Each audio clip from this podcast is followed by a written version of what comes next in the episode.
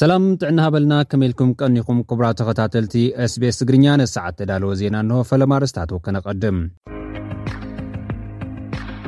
ኣብ 222 ዓ ም ልዕሊ 29000 ኤርትራውያን ሓተቲ ዕቑዋ ናብ ኢትዮጵያን ሱዳንን ከም ዘምርሑ ውድብ ሕቡራት ሃገራት ገሊጹ። ቤት ምኽሪ መራኸብቲ ሓፋሽ ኢትዮጵያ፣ መንግስቲ ኣብ ልዕሊ ማሕበበራዊ መራኸብታት ዝገበሮ ዕጽዋ ክኣልዮ ሓቲቱ። መዓልቲ ደቂ ኣንስትዮ ካብ ናይ ዩኒቨርሲቲ መምህር ናብ ምሻጥ ኣትክልቲ ዝኣተወት ብርሃን ወልደገብርኤል ጸላዊት ኮይና ውዒላትሉ።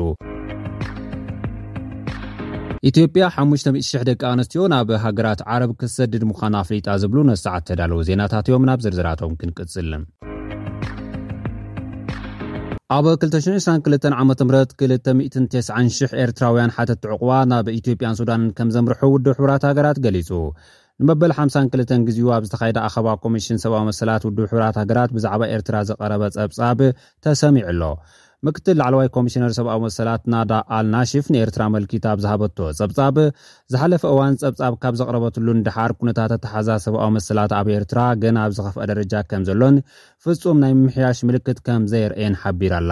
ማእሰርቲ፣ ስቓይ፣ ዘይሰብኣዊ ኣተሓሕዛ እሱራት፣ ምስዋር፣ ገደብ ናጽነት ምግላጽ ሓሳብ፣ ገደብ ምእካብን ምውዳብን ዝርከቦም ግህሰታት ሰብኣዊ መሰላት ከም ዝቐጸሉ ብምሕባር፣ ኣሽሓት ፖለቲከኛታት እሱራት፣ ብሰንኪ እምነቶም ዝተኣስሩ ብዙሓት ሃለዋቶም ከም ዝጠፍአን'ውን ተዛሪባ'ላ።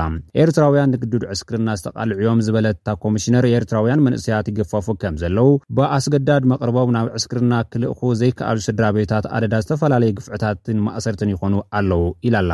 ከም ሳዕቤኑ ድማ ኣብ ክልተ ሽሕን ዕስራን ክልተን ጥራሕ ልዕሊ ሚእትን ስሳን ሽሕ ሓተቲ ዑቕባ ናብ ኢትዮጵያ፣ ሚእትን ሰላሳን ሽሕ ካልኦት ድማ ናብ ሱዳን ከም ዘምርሑ ብምግላጽ፣ ሃገራዊ ኣገልግሎት ቀንዲ ጠንቂ ስደት ዜጋታት ኮይኑ ከም ዘሎን ገለ ሃገራት ንኤርትራውያን ናብ ሃገሮም ብምምላስ ናብ ተመሳሳሊ ኣደራዕ ክወድቁ ይገብርኦም ከም ዘለዋን እዚ ጠጠው ከብላ እውን ተማሕጺና ኣላ።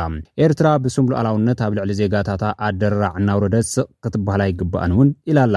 ሰራዊት ኤርትራ ኣብ ክልተ ሽሕን ዓሰርተ ሽዱሽተን ዓሰርተ ሸውዓተን ብግህሰት ሰብኣዊ መሰላት ገበነኛ ኮይኑ ተረኺቡ ግቡእ ተሓታትነት ከይተገብረሉ ብምጽንሑ ኣብ ትግራይ ዝተፈጸመ ምጥሓስ ሰብኣዊ መሰላት እውን ተዋሳኢ ምንባሩ ብምዝኽኻር ክሕተት ጸዊዓ እያ።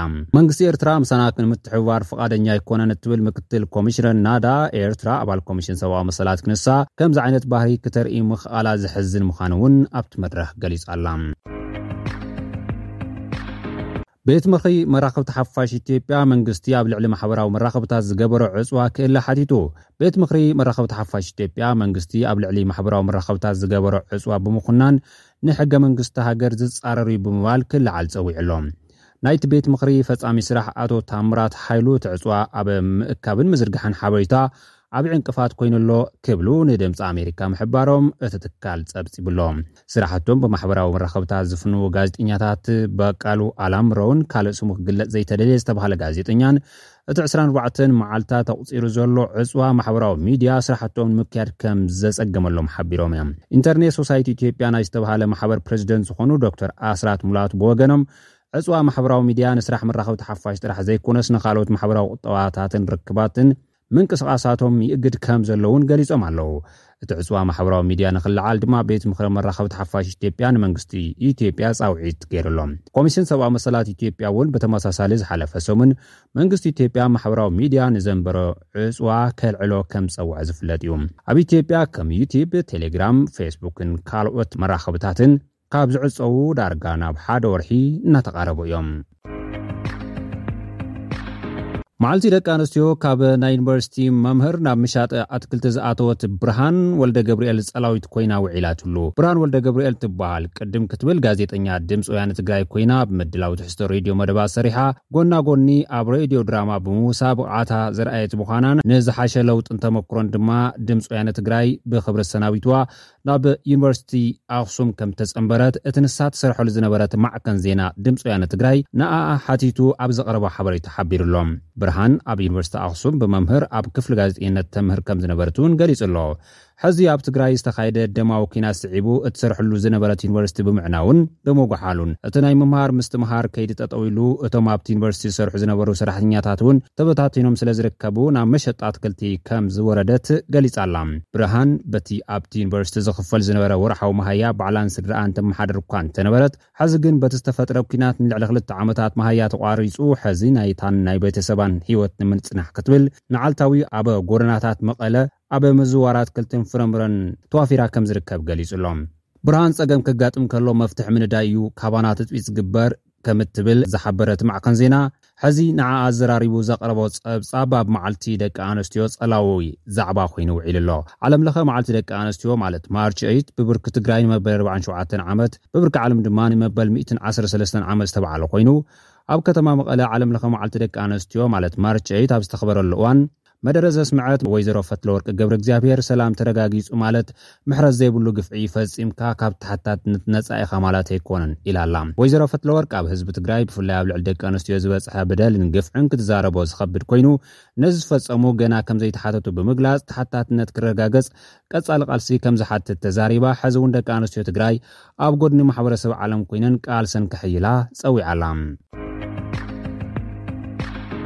ኢትዮጵያ ሓሙሽተ ሚእቲ ሽሕ ደቂ ኣንስትዮ ናብ ሃገራት ዓረብ ክትሰድድ ምዃና ኣፍሊጣ። መንግስቲ ኢትዮጵያ ኣብዚ ዓመት ኣብ ሃገራት ዓረብ ብፍላይ ድማ ኣብ ስዑዲ ዓረብ ሓሙሽተ ሚእቲ ሽሕ ደቂ ኣንስትዮ ክሰርሓ መደብ ከምዘለዎ ገሊጹ ኣሎ።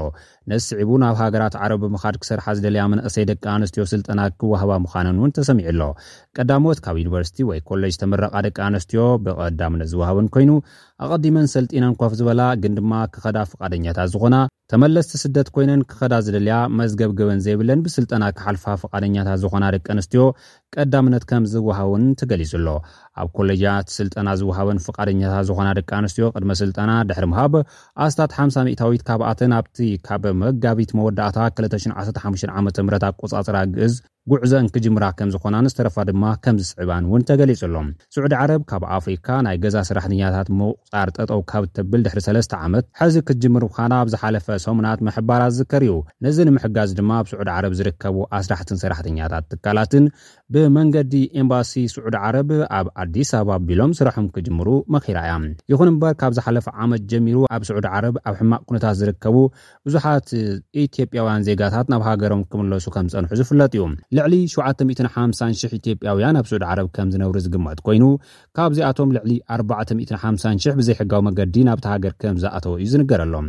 በዚ ምኽንያት ድማ ብኣሽሓት ዝቑጸሩ ኢትዮጵያውያን ኣብ ስዑዲ ዓረብ ተኣሲሮምን ንስቅያት ተዳሪጎምን ከም ዝርከቡ ዝተፈላለዩ ማዕኸናት ዜናን ትካላት ሰብኣዊ መሰላትን ክገልጹ ጸኒሖም እዮም። ኩቡራት ተኸታተልቲ SBS ትግርኛ ነዚ ሰዓት ዝዳለዉ ዜናታት እዚኦም ይመስሉ ምሳና ጸኒሕኩም ስለ ዝተኸታተልኩም ኣዚና ነመስግን በብዘለኹሞ ሰናይ ንምነየልኩም